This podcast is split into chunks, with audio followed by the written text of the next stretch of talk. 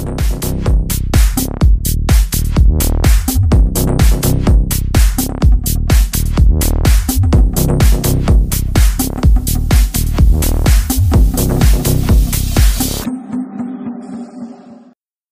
kembali lagi bersama di podcast sepak bola yang seru abis di mana lagi kalau bukan di Offside Media Network. Uhuhu.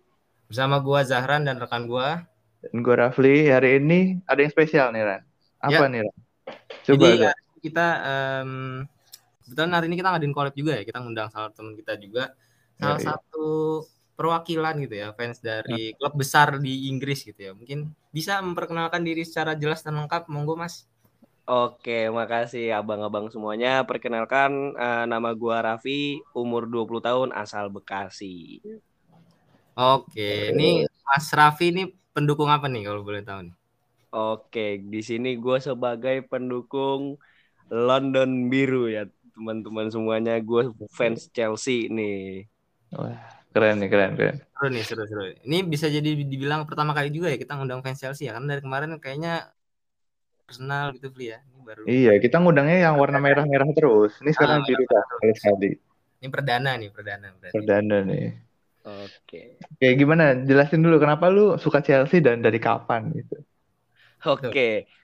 Eh, kalau misalkan ditanya kapannya, gue tepatnya eh, sebagai fans Chelsea itu di tahun 2007.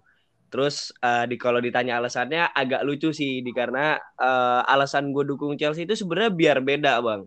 Karena bapak gue fans Liverpool Dian, ibu gue fans MU. Makanya daripada gue berat sebelah, makanya gue pilih klub lain yaitu Chelsea.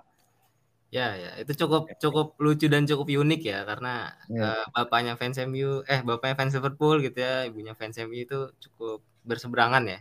Bukan cukup, Toleransinya tinggi sekali gitu di dalam keluarga Anda. Gitu. betul, betul, betul, betul. Kalau lagi big match gimana tuh? Masing-masing pakai baju jersey apa tim masing-masing apa gimana tuh? Nah, kalau big match lucu juga bang. Kalau kalau entah eh, Liverpool lawan MU atau Liverpool lawan si Chelsea atau Chelsea lawan MU, biasanya eh, beda ruangan bang. Ada yang nonton di ruang TV, ada yang nonton di kamar tidur bang. Bisa, bisa, bisa. Iya sih, iya, iya. Kalau enggak terribut anjir. Iya. Oke lah, gimana nih? Iya, iya. Nah, Bung kan tadi malam ya. Tadi malam tanggal berapa nih? Tanggal 29. 29. Ada match yang seru. Match sebenarnya sih kalau di atas kertas big match ya. Big match, big match. Tetap Cuman cuman gua ngantuk sih. Udah, udah pertengahan gua nonton ngantuk sih. Ya, ya. Cukup pagi juga sih ya, cukup. Lagi Mm-mm. antara Chelsea dan MU nih. Dari lu dulu sebagai fans Chelsea gimana ngelihat performa tim lu lah akhir-akhir ini dan ditambah di match ini gitu. Aduh, kalau ditanyain performa tim gua bang, gue berani bilang sebener- seperti warga Twitter bilang Chelsea itu sama dengan Charity FC bang. Kasih-kasih poin ya. Iya, ngasih-ngasih poin terus bang. Bang poin ya, betul, betul. Heeh. Karena memang kalau bisa dilihat dari match-match terakhir ini emang Chelsea itu sebenarnya underperform banget bang. Iya, ya, gue gue setuju sih benar. Entah Kipernya- kenapa apa yang apa apa yang merasuki te- apa tim-tim Chelsea eh, pemain-pemainnya tuh menurut gua underperform semua. Kayak misalkan kita ambil contoh lah buat pertandingan semalamnya. Hmm. Enggolo Kante yang kita gadang-gadangkan di eh, apa Champions League waktu Chelsea menang tahun 2021 Tahun lalu ya. itu Hmm. 2020 2021 itu kayak kemarin atau mungkin beberapa match terakhir lah tiga Ya, match terakhir. Dia sempat dia sampai sempat diganti yang padahal biasanya 90 menit full main bang. Main bagus ya. Main bagus 90 menit biasanya kalau misalkan di Champions 2020 2021 nah sekarang even ketika menit baru menit 60-an menit 50-an udah diganti sama Ruben Loftus-Cheek bang. Biasanya gitu. Iya, iya. dan terkadang kalau kita tahu eh, Enggolo Kante itu pasti terkenal sama interceptnya bang, intercept di tengah lapangan dan juga sebagai sebagai seorang midfielder yang box to box udah pastinya kan larinya cepat gitu dari box satu ke box yang lainnya. Cuman kenyataannya di match semalam atau mungkin di akhir-akhir match eh, apalagi lawan Madrid ya itu ya, tuh eh, nggak ada intercept sama sekali dari Enggolo Kante. Makanya menurut eh, menurut gua waktu eh, di Real Madrid yang butuh kita kasih kredit itu yang ketika uh, di match away yang yang kita menang Chelsea menang 3-2 itu uh, yang butuh kredit banyak itu ya Matteo Kovacic sih, Bang. Ya, ya setuju setuju. Dia kerasnya udah kayak main Madrid gitu loh. Iya. Bang, ya kan waktu zaman Madrid dulu dia kan sekeras ini dan dia membawa itu di Chelsea gitu. Ya gua gua gua setuju sih ya kalau dibilang N'Golo Kante salah satu yang underperform juga ngelihat gimana musim lalu kayaknya dia OP banget gitu ya. Apalagi kalau nggak salah dia mulai dari semifinal ya dapat man of the match ya. Mulai dari leg 1 2 terus final juga kan kalau nggak salah. Kalau nggak salah ya dia yang dapat hmm.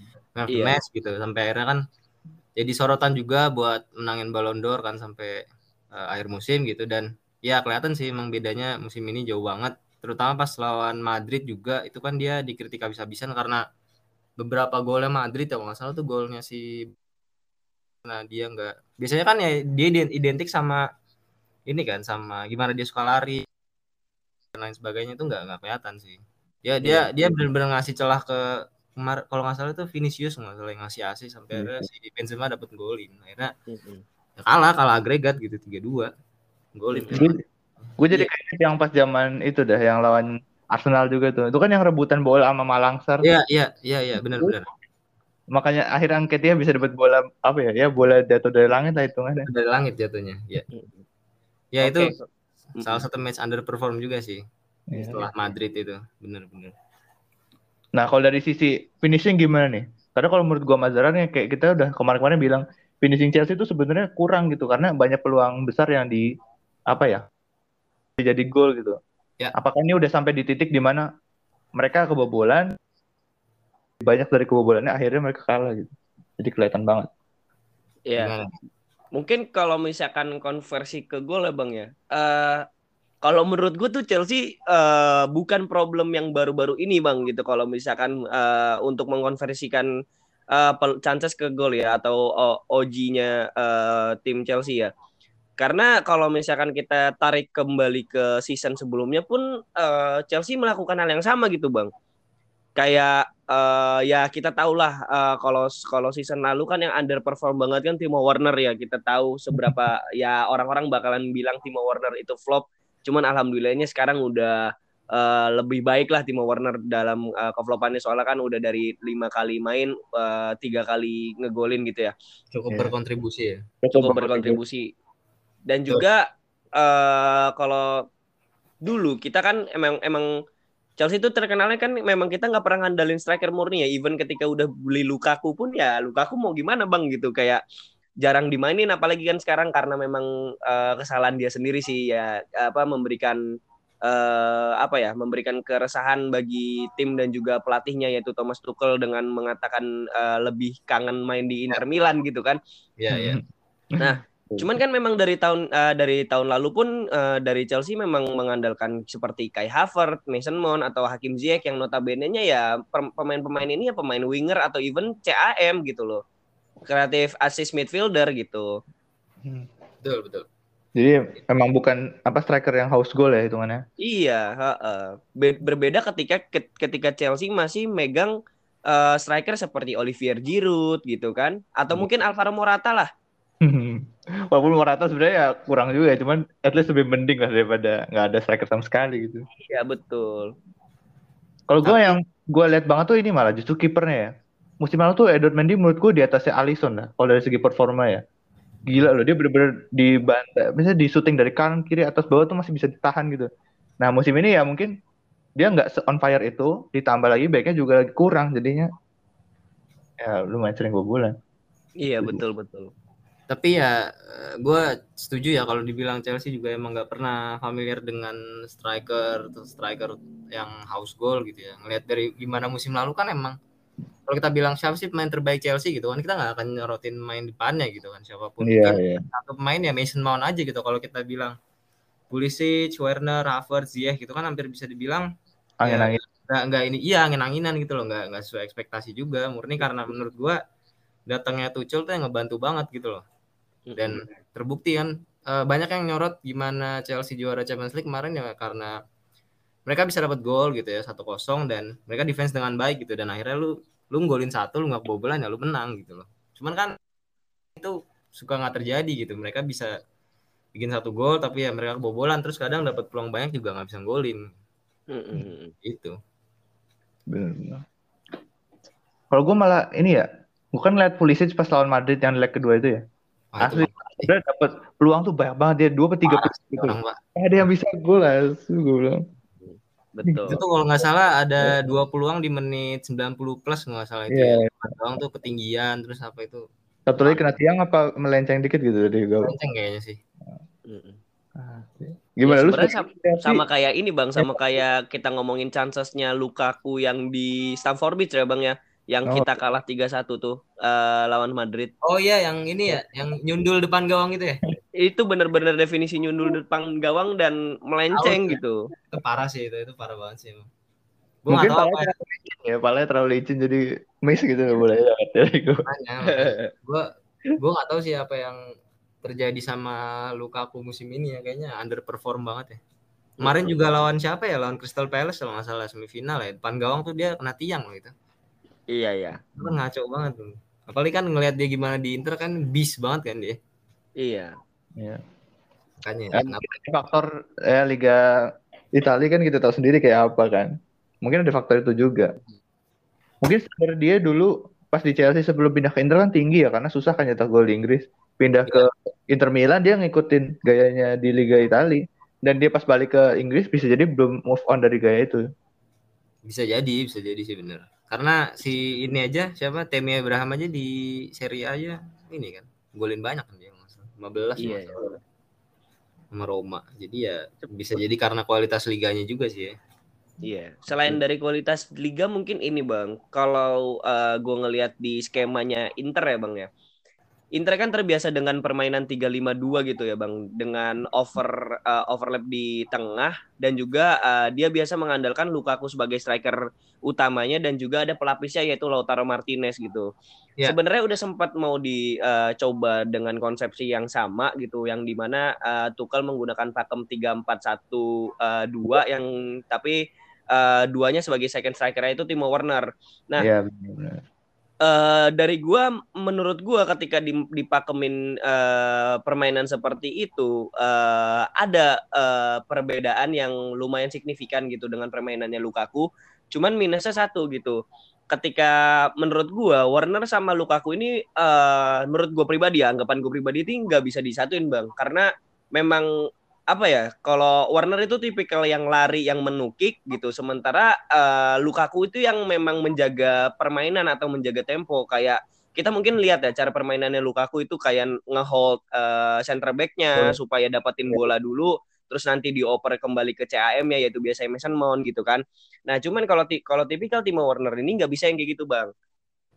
Tipikal Timo Werner ini nukik. Ya kalau misalnya kita bisa bilang ya sama kayak mungkin kalau dulu menurut gua eh, MU waktu zaman masih ada Dan James itu mirip-mirip lah sama Timo Werner gitu. Hmm. Makanya dia nggak cocok ya hitungannya si Dan James di MU. Iya, heeh. Lari doang, lari-lari doang dan gue sering terjadi tuh dia udah nyampe depan gak ada pemain yang nyambut bola dia gitu. Ya mungkin ini juga terjadi juga. Kalau Lukaku emang cocoknya jadi striker utama sih ya, bukan yang striker dua ini. Kalau Iya. kalau apa temannya Werner. Mm-mm. jadi masalah bisa jadi karena nggak sama skema.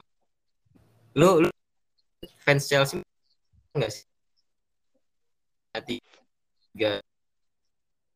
Pribadi sih ngelihat sebenarnya bukan gimana ya nggak nggak nggak bisa dibilang masalahnya karena formasi juga gitu loh. Buktinya dengan formasi tiga empat tiga mereka tetap bikin peluang gitu. Kadang tuh main depannya sih emang nggak bisa golin aja sih itu Mm-mm. kalau menurut lu gimana nih apakah perlu dia ganti formasi jadi empat atau gimana gitu Oke, oke.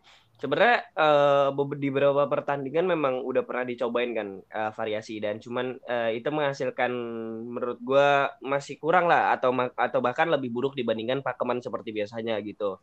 Kalau menurut gua Bang eh, sebenarnya sih eh, buat formasi ini kan masalah eh, apa formasi di atas kertas aja gitu lah ya bahasanya kayak misalkan kita ngomongin eh, skema permainan seperti semalam aja yang lawan MU sebenarnya secara di atas kertas 3-4-1-2 cuman kenyataannya kan jadi eh, seperti biasa ya 3-2-5 gitu yang di mana eh, fullback atau right wing back Naik dan left wing backnya naik banget gitu. Hmm. Iya.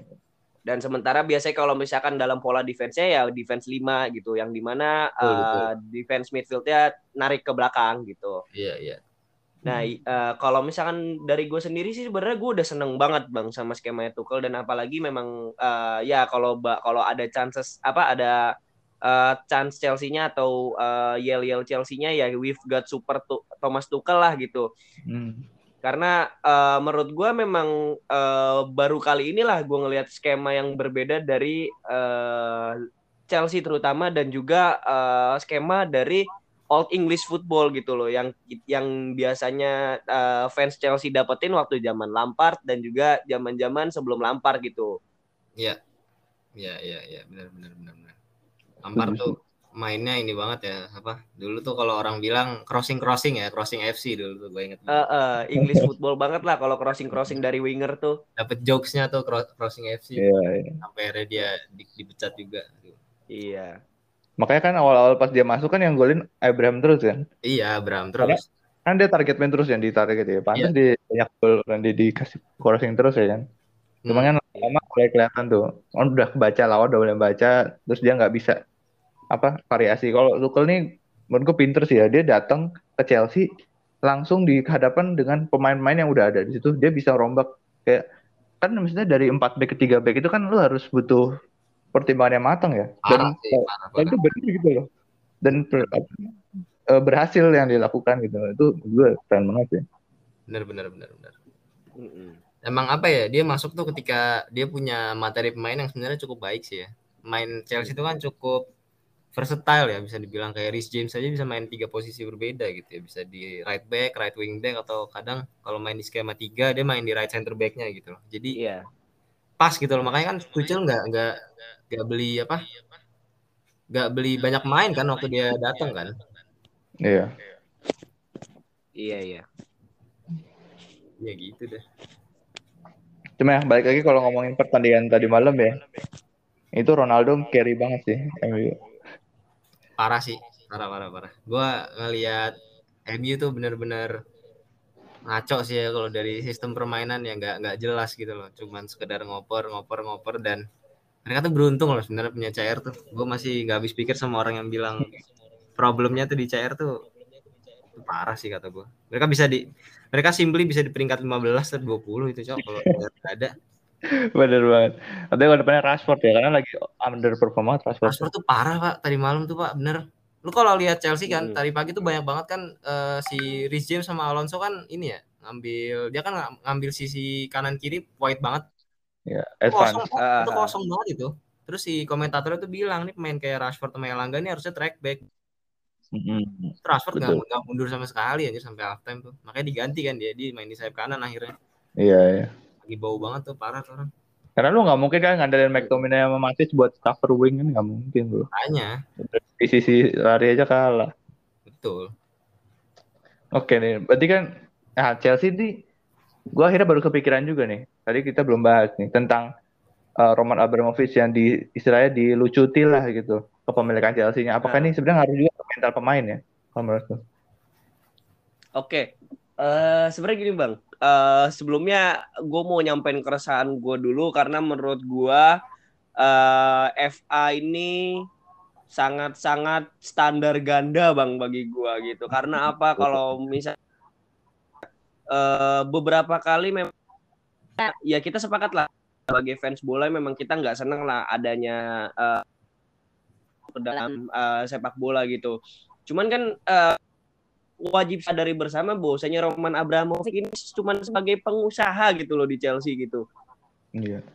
Uh, kenapa sangat dianggap seolah-olah bahwasanya memang uh, berdiri Chelsea ini pendanaan dari banget gitu di frame-nya seperti demikian banget gitu sama Eva kan. Iya. iya. Nah, uh, kalau dibilang terkait dengan mental pemainnya menurut gua adalah Bang uh, terkait ya kayak misalkan kita uh, contoh ya dalam waktu dekat ini kan uh, geger ya uh, di Twitter terutama ter, uh, Fabrizio Romano udah ngomong bahwasannya udah ada perjanjian verbal uh, kontrak antar Real Madrid ya dikarenakan yeah, ya. memang yeah. Rudiger ini uh, udah lama pengen uh, minta demandnya yaitu kontrak uh, dan juga gaji yang uh, sesuai dengan yang dia pengen Cuman uh, harus ketahan karena memang uh, belum adanya kepastian untuk ownernya gitu. Nah mungkin menurut gua mental enggak, cuman secara kenyataan mungkin secara bisa dibilang itu delik ekonomis ya, delik ekonomisnya ya memang uh, tidak apa ya, tidak tidak settle lah, tidak bisa menjamin berlangsungan uh, bola ini terutama di Chelsea gitu. Iya iya. Ini berarti Chelsea belum ada kepastian ya siapa ya ownernya berarti ya? Mm -mm, gimana tuh? Iya iya iya. Belum ada. Karena ini juga Katanya ya. keluarga dari Amerika itu ya atau yang satunya lagi yang dari orang Swiss itu? Kalau Riket Kemarin udah tuh- turun bang, udah yang di Amerika udah. Bang. Riket udah enggak ya? Enggak jadi ya Riket ya? Mm-mm. Ya ya, berarti masih masih belum ada lagi ya ininya. Belum belum. Tapi yang mahal banget sih 3 billion. Kemarin tuh bahkan beritanya Lewis Hamilton yang mau beli ya. Iya. Keren sih, keren sih kalau. Makanya, anjir, Lewis Hamilton loh. Tapi cukup apa? Cukup ini ya, cukup gak- apa ngelihat masa depan Chelsea ini nggak bisa diprediksi juga ya.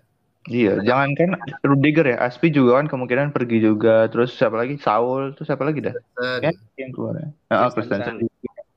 makanya ngelihat masa depan Chelsea ini gimana ya? Mereka nggak bisa nggak boleh beli pemain gitu kan, nggak boleh jual pemain. Terus ada beberapa pemain yang out of contract juga kan, kayak Christensen, Rudiger gitu ya.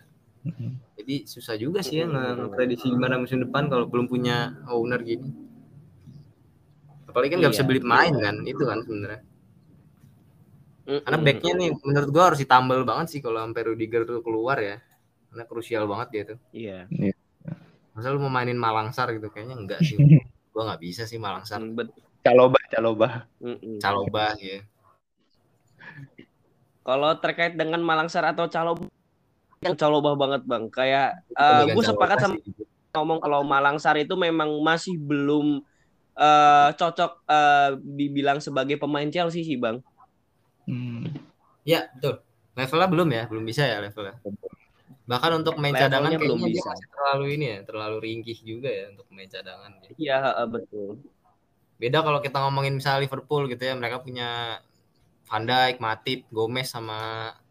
Konate gitu kan. Itu kan empat-empatnya benar-benar bagus Konate, ya. Jadi, jadi lu bisa ganti-ganti aja tergantung musuhnya siapa gitu.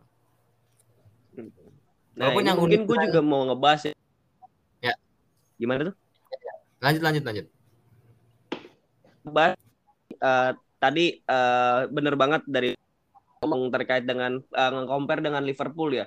Eh, Ya. Ya, sebagai sebagai penggemar sepak bola ya, mungkin bisa dibilang sebagai eh, penggemar yang seneng analisis sepak bola juga banyak podcast podcast sepak bola juga yang udah gue tonton eh,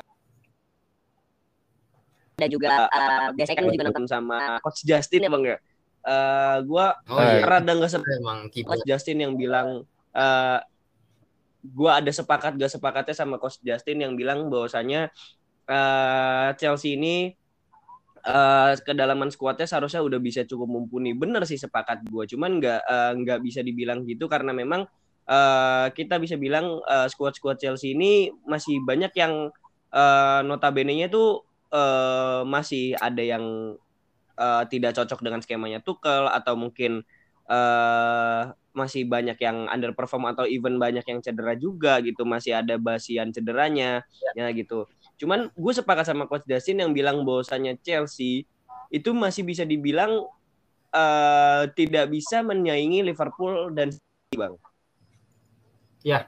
Ya. karena apa karena secara teknis permainannya dan juga dan juga eh, statistik permainannya ini masih bilang dari dari dari City dan juga Liverpool gitu bahkan gue Ya, ya. eh, kalau misalkan eh, gue berani eh, 50-50 gue bisa bilang bahwa saya tahun ini bisa aja Chelsea puas gitu karena chancesnya Chelsea kan cuma sisa Liverpool dan itu final iya, lawan lawan Liverpool lagi lagi, kita bisa ingat lagi Iya, benar-benar. Iya, iya. Mm-mm. Sebenarnya cukup underrated juga ya musimnya Chelsea ini ya, walaupun bisa dibilang nggak nggak sesuai ekspektasi ya karena di UCL mereka singkir terus di Premier League kan kan mereka berekspektasi untuk juara kan musim ini IPL kan karena musim lalu udah juara UCL tapi akhirnya iya kayak nggak bisa juga gitu terus uh, Carabao sempat masuk final tapi kalah sama Liverpool dan FA Cup juga masuk final itu sebenarnya cukup bagus cuman standarnya ini kan harus juara ya jadi ya 50-50 juga sih ya ngeliatnya. Padahal di awal-awal musim Premier League tuh gue inget banget pertandingan 1 2 3 tuh ngegas banget ya Chelsea. Parah Pak Chelsea itu. Bener-bener ngolin nggak bisa dibobol itu Arsenal. Iya, iya. Arsenal tuh dibantai 2 2 0 atau 3 0 ya di awal-awal tuh. Ya Brentford kan sampai gue ketawain. Iya, betul 2 0. Dan hmm. mungkin nanggepin yang uh, soal komentar soal coach Justin gitu ya. Gue juga bisa dibilang setuju nggak setuju gitu. Kalau dibilang Chelsea ini skuadnya cukup kaya bener sih gue setuju dari sisi itu cuman tadi lu harus ngelihat dari sisi uh, kecocokan dengan skema aja sih ya karena pemain kayak uh, Ziyech itu kan sebagus itu kan sebenarnya cuma dia nggak pernah dipakai pak di Chelsea dan sekali dipakai tuh kayaknya nggak nggak nggak keluar gitu loh jadi iya. sayang betul betul dia kalau dia mau ah. coba gocek coba crossing. Kan kalau Chelsea itu bener-bener dia satu kali umpan tak tak tak tak langsung tiga detik udah nyampe depan tiga detik udah nyampe depan. Iya betul. bisa keep up itu. Kecuali dia bisa mengembangkan uh, pola permainan yang berubah. Kayak misalnya Mahrez nih. Mahrez sebenarnya permainannya sama cuman dia bisa mastering satu skill yang dulu dia nggak bisa itu uh, crossing ke tiang jauh ke tiang dua. Itu kepake banget sumpah. Kepake banget di City itu kan sebenarnya jadi salah satu keunggulan Ziyech juga kan crossing crossing yang cut inside terus nyundul. Cuman yang nggak ada ini nggak ada pemain yang bisa apa yang bisa nyambut kadang tuh. Jadi kadang crossingnya cuma jadi sekedar crossing biasa gitu loh. Sayang gitu. Soalnya gue ngebandingin sama apa ya ngomongin soal squad depth ya. Ngebandingin sama Arsenal aja deh. Arsenal tuh bener-bener cadangannya tuh yang kira-kira bisa buat main buat ganti gitu ya gantiin siapa yang lagi main itu paling main-main kayak PP sama Lacazette doang gitu loh sisanya tuh nggak ada lagi main iya. kayak holding terus Nuno Tavares lah Cedric itu kan nggak banget aja sedangkan Chelsea itu kalau kita lihat cadangannya itu masih ada Pulisic terus Ziyech itu masih cadangan terus Hudson Odoi itu juga iya. masih cadangan gitu loh kadang satu di antara Kovacic, Jorginho atau Kante juga masih bisa cadangan gitu kan. Karena kan yang main cuma dua ya. Iya. Jadi kayak gitu gitu loh masih cukup banyak sebenarnya. Cuman kesesuaian skemanya aja sih bingung aja gitu memasang siapa yang cocok. Ya kita doakan supaya Chelsea bisa lebih baik lah ya. Cuman kata gue bakalan susah sih karena selagi belum punya owner pasti pemain juga pada skeptis gitu pada mau pindah ke tim yang lebih stabil ya hitungannya bisa bayar gaji dia selama uh, satu musim full gitu loh. Gue ngeri ya, aja. Ya ya ya, gue setuju. Tapi Chelsea itu masih punya banyak pemain yang dipinjemin gak sih? Apa udah dijual-jual gara-gara peraturan itu ya? Enggak, enggak. Dia masih punya banyak ya main masih punya banyak. Oh, Terutama dalam jadi... Liga Inggris sendiri masih banyak kok bang.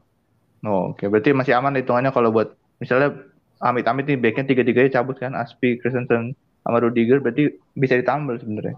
Treatment nah, pinjaman. Kalau untuk back justru malah enggak bang, karena oh. Uh, ini entah kenapa ya mungkin ya uh, memang uh, kejadian uh, Abramovich ini memang sesuatu yang nggak bisa kita duga-duga ya. Uh, memang kenyataannya kalau di Chelsea sendiri itu uh, untuk pemain pemain-pemain akademi dan juga pemain-pemain yang jarang digunakan, yang terutama berformasi back itu rata-rata bukan di loan bang, justru dijual. Kayak kita contoh aja Kurzoma atau uh, Fikayo Tomori. Itu uh, statusnya memang udah dijual gitu. Atau uh, mungkin Tomori belum lah ya masih Tomori masih di loan. Cuman ada buy clause-nya dan uh, AC Milan siap untuk menanggung buy buy clause-nya Uh, hitungannya udah ya udah udah 100 udah 90 persen lah itu dibeli lah sama Milan. Betul.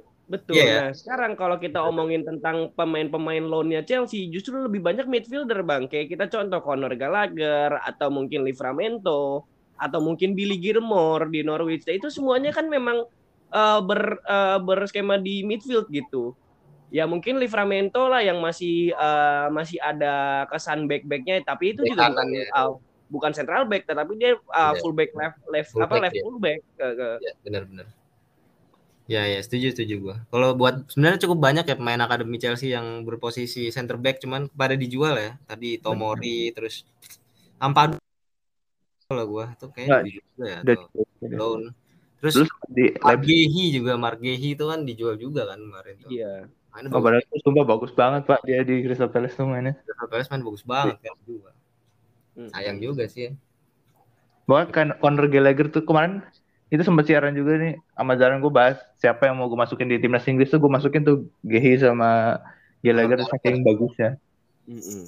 Gallagher emang sih Gallagher tuh cukup gua tunggu-tunggu juga sih musim depan gimana di Chelsea. Harusnya Dia bisa sih ya. Sama Mason Mount kayak lumayan mirip ya, cuman le- posisinya lebih di belakang. Kalau Mason Mount kan IMF ya. Mason Mount tuh main nomor 10 sih, Gallagher tuh nomor 8 sih sebenarnya. Hmm. Gila satu tim ngeri banget. Mungkin kalau kita ngomongin Gallagher kalau eh, terjadi terjadinya eh, Jorginho kan katanya dengar-dengar mau pulang gitu ya Bang ya ke Italia Bang ya. Mungkin eh, salah satu yang cocok untuk mengisi penggantinya Jorginho itu mungkin antara Gallagher atau Gilmore menurut gua dengan skemanya eh, eh, mungkin tapi gini, gua kasih catatan kalau misalkan eh, Gallagher yang masuk menggantikan Jorginho maka harus uh, tandemannya harus Kante bang. Karena memang uh, gua kalau gua akuin uh, sebagai set playmaker uh, Gallagher itu cukup untuk bisa dibilang playmaker dan cukup handal lah gitu. Cuman kalau misalnya untuk uh, intercept dan mungkin uh, yang lebih ke arah defense itu masih kurang. Masih lebih kalah dengan Billy Gilmore Billy Gilmore yang menurut gua lebih uh, ke arah intercept cuman untuk playmakernya yang kurang gitu. Makanya ini mungkin saling melengkapi dan uh, Chelsea punya itu. Cuman ya problemnya kembali lagi Uh, kalau kata uh, gue lupa kata-kata siapa tuh kalau uh, kalau lu kalau kalau kalau lu uh, kalau lu apa namanya uh, kalau strike lu bagus lu bakal menang uh, pertandingan kalau lu back lu bagus lu bakal menangin liga dan itu menjadi prinsip bagi semua orang menurut gua. Iya, iya. Betul. Eh, tadi gue barusan ngecek juga nih Ampadu ternyata masih di loan, jadi masih ada back lah, at least Loan ya. di loan ke Venezia, Nah, masih bisa. masih bisa lah balik. Tapi ya Ampadu is Ampadu ya gitu. Jadi, Belum terlalu ini sih ya, bener. menang rambut aja. Belum yang paling top banget sih. Ya, belum. Tapi at least buat cat- apa ya? Hmm, darurat gitu ya. Buat, uh, buat darurat. Kalau misalnya sih ya. Aspi bisa beneran keluar nggak sih? Aspi? Aspi enggak, Fli, kayaknya. Aspi tuh kalau nggak salah di kontraknya tuh ada ini dia ada perjanjian juga dia tuh ada syaratnya gitu kalau misalnya dia musim ini bisa main lebih dari berapa match akhirnya dia bisa dapat extension kan dia udah menuhin itu kan jadi dapat extension Hmm. otomatis nggak jadi keluar paling Kristensen sama Rudiger aja sih Iya. iya. Kristensen dibeli Barca ya? most likely ya most likely ke situ Bakal lawak nih Barca musim depan lihat aja. takutnya eh. sih Gua Kristensen gua tuh menurut gua kurang solid sih ya Kristensen tuh kadang betul. bisa main biasa aja kadang main bagus gitu kalau dibandingin sama Thiago Silva sama Rudiger gitu kan kan beda gitu ya. Madrid berarti ngeri banget ya musim depan ada ada Benzema juga, ada Vini, wah ngeri banget Madrid. Cuman kalau kita ngebahas tentang Madrid, Bang, selama ini gua gue bukannya gue bukannya sebagai fans Chelsea yang eh mendenda punya dendam terhadap Real Madrid ya nggak ada ya. Eh, tapi yang yang gue bisa bilang, Bang, eh mau sebagaimanapun eh, permainan dan juga pemain pemain lu Don Carlo is still Don Carlo gitu, Bang.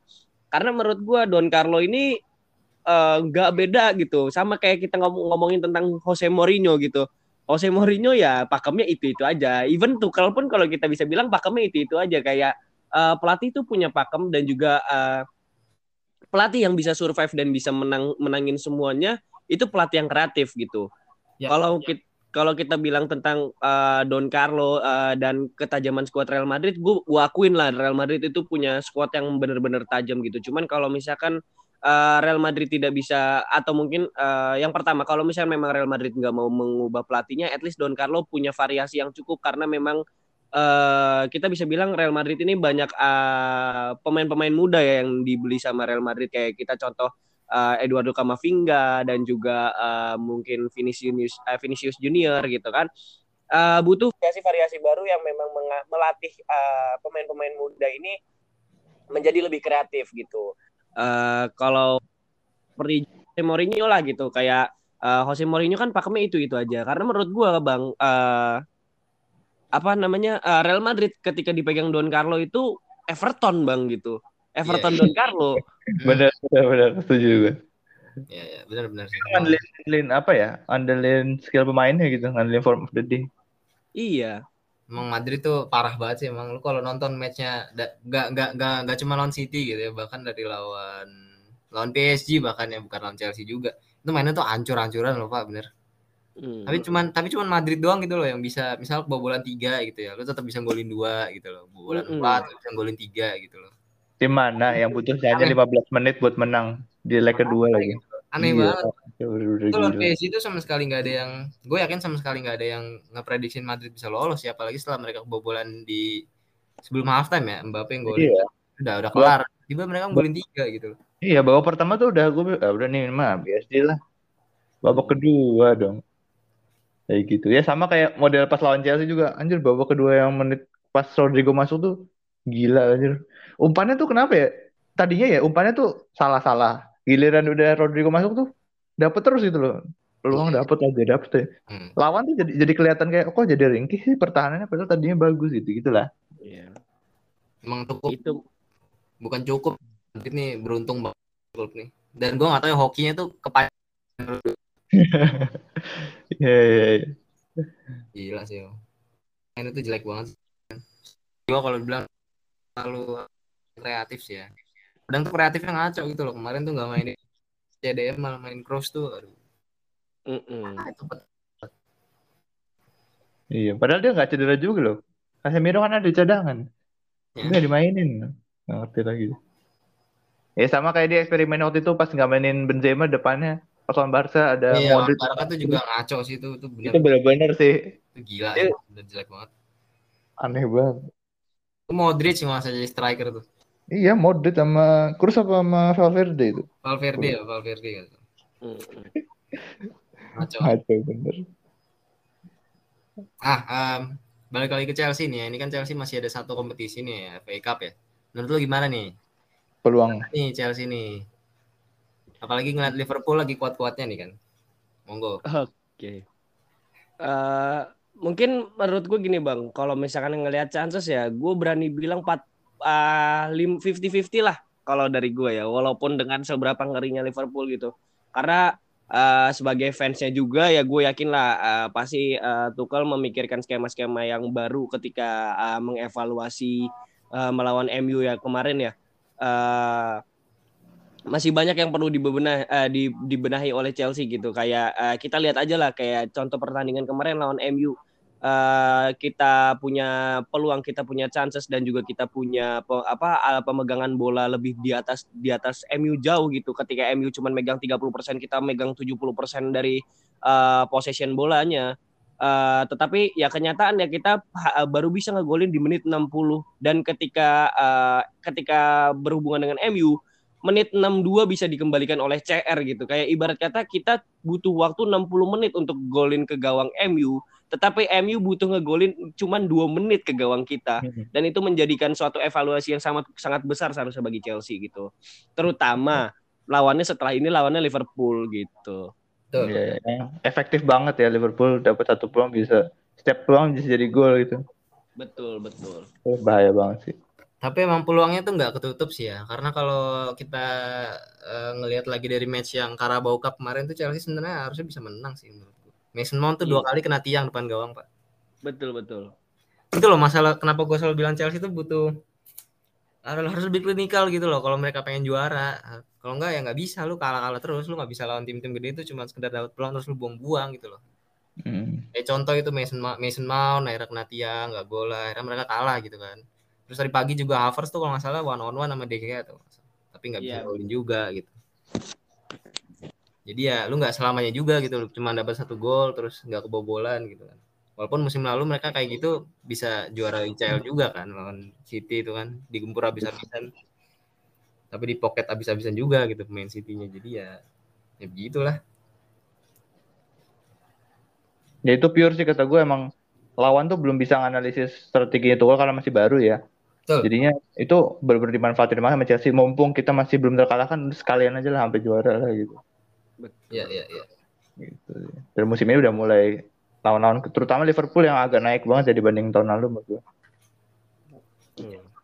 Tapi ngomongin soal Chelsea nih, mungkin satu lagi nih ya. Gue bingung kenapa ya Chelsea ini selalu punya masalah sama namanya pemain nomor 9 ya. Karena Oh iya dari zaman Torres ya. Udah lihat udah lihat Chelsea lama ya. Menurut gue striker yang paling tajam yang emang benar-benar pakem tuh ya terakhirnya Diego Costa gitu loh. Setelah itu nggak ada lagi sih. Main kayak yeah. Falcao. Bahkan Morata tuh walaupun golnya banyak cuman half season nggak salah setelah itu dia nggak golin lagi gitu loh Iya. Werner, Havertz, Lukaku semua kan bisa dibilang nggak nggak sesuai ekspektasi semua gitu loh jadi Hmm. ya ini juga nomor 9 ya. nomor sembilan gitu loh Kutukannya Torres. Heeh. Betul. Jadi eh, Torres ya sebelum Torres siapa sih yang pernah nomor 9 juga? Kayak ada ya?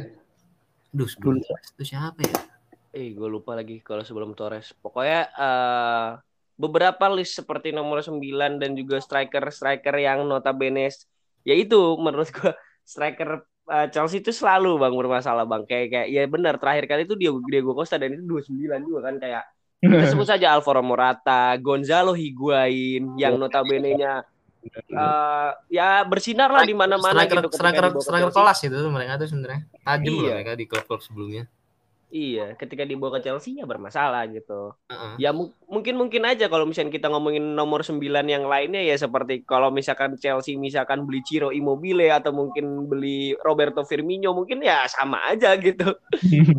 iya iya iya Emang udah salah sih. Harusnya aku minta nomornya 19 gitu ya.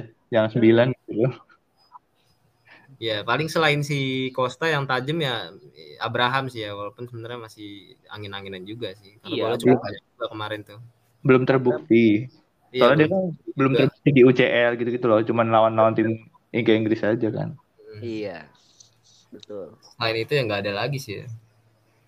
Nama-nama walaupun nama-namanya nama-nama besar semua. Gitu. Aduh. Ya kita berharap Chelsea eh, semoga bangkit ya supaya persaingan di papan atas makin seru. Jadi nggak cuma Liverpool City doang. Ditambah lagi Liverpool ini si Klopp baru eh, tadi pagi gue lihat tuh dia menanda- menandatangani extension kontrak sama Liverpool kan. Betul, Ya. betul. Wah harus Chelsea harus bisa ngejar banget. Mm-mm. Ya, ya, ya, gue setuju sih sama lu. Ya mereka mungkin satu yang harus diperbaiki sekarang finishing sih ya, karena ini nggak tahu ya ke depannya gimana. Cuman kalau dari yang gue lihat selama Liverpool tetap sama gitu ya, tetap Klopp tetap main sama dan City juga tetap yang sama ya, akan mereka berdua terus gitu loh ke depannya. Ya Iya, nggak sih, Lu setuju nggak sih gue? betul, betul. Ya kan nggak ngeliat yang lain gitu loh. MU, ya MU sih ya, gue nggak tahu ya Ten Hag bisa kapan sampai ya butuh berapa lama buat ngebenerin MU gitu, mungkin bertahun-tahun bisa gitu. Cuman Musim Ya. depan belum lah ya. musim depan kayak belum sih karena cukup banyak yang harus dirombak ya.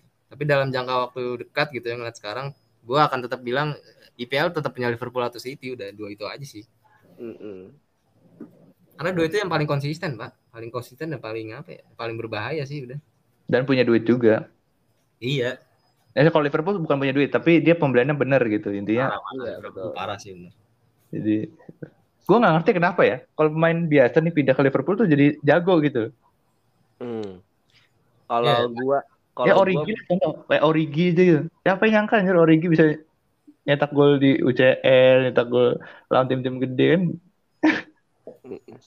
Kalau gitu. kalau gua ngomongin Liverpool itu selalu menurut gua Liverpool adalah eh, klub yang paling bagus pembeliannya Bang. Efisiensi untuk ekonominya bagus banget. Karena menurut gua eh selain eh, dari beberapa pemain-pemain yang notabene-nya eh, menjadi bintang di Liverpool.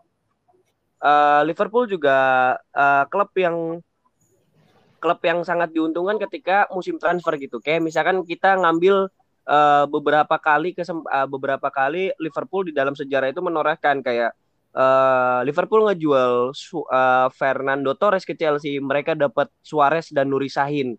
Ketika ketika eh, Liverpool ngejual Suarez, dia dapat Coutinho gitu. Dan eh, dan Raheem Sterling gitu. Ketika mereka ngejual Sterling, dia dapat eh, Muhammad Salah dan juga Roberto Firmino dan juga eh, penambahan akhirnya menjadi ditambahin sama Sadio Mane.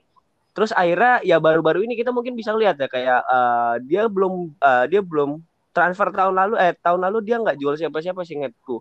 Tapi dia dapat akhirnya Luis Diaz gitu kan menurut gua ini sangat eh, sesuatu yang pem- satu pembelian yang sangat efisien gitu buat eh, klub-klub gitu dan terutama eh, klub-klub Liga Inggris ya karena menurut gua tahun ke tahun itu Liverpool pasti selalu dapat untung gitu Hmm, bener. Zaman Coutinho juga loh. Kita jangan Iya. lupakan itu. Dan sampai sekarang mereka masih dapat gara-gara apa klausulnya itu kan yang dibayar Iya, oleh iya. Barca tadi ya.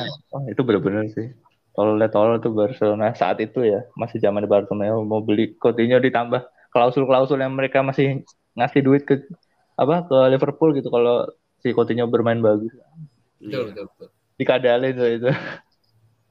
Tapi keren ya emang Liverpool tuh apa jual Coutinho kan cukup mahal ya waktu itu 105 apa berapa ya. Terus duitnya dipakai buat beli Alisson sama Van Dijk kan. Iya itu bener-bener turnaround banget kan. Itu missing Berhasil piece ya. The only missing piece yang bikin mereka akhirnya bisa juara Liga Champions. Iya, iya. Dua itu sih emang. Kiper sama posisi center back ya pas itu. Gue jagoin Liverpool sih kayaknya juara Liga Champions nih. Ya, Tapi City juga bisa. Cuman kenapa ya gue rasa City tuh kayak hokinya kurang gitu kalau dibanding Liverpool ya. mereka sama sih ya. Kadang tuh masalahnya ya di finishing juga. Cuman kan karena mungkin eh si- tipe permainan mereka ini kan tipe permainan yang emang memprovide striker mereka untuk ya lu tinggal cetak gol gitu loh, tinggal tapin tapin gitu loh. Kadang mereka tetap bisa dapat banyak gol, cuman seharusnya bisa lebih banyak gitu loh, kayak gitu. Iya. iya. Kayak gitu sih paling. Dari gua cukup sih, Fri. Iya, dari gue juga cukup. Dari Raffi gimana nih? Apa mau ada yang disampaikan lagi mungkin buat Chelsea atau gimana? Oke, mungkin gua Oh, closing kom- statement ya sekalian ya Bang. Ya. Oke. Mantap. Boleh.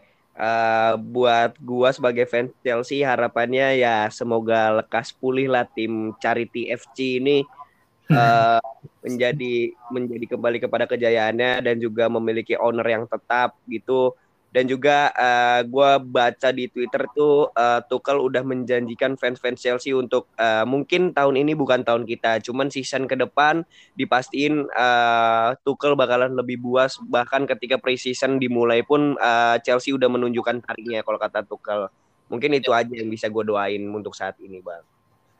Oke.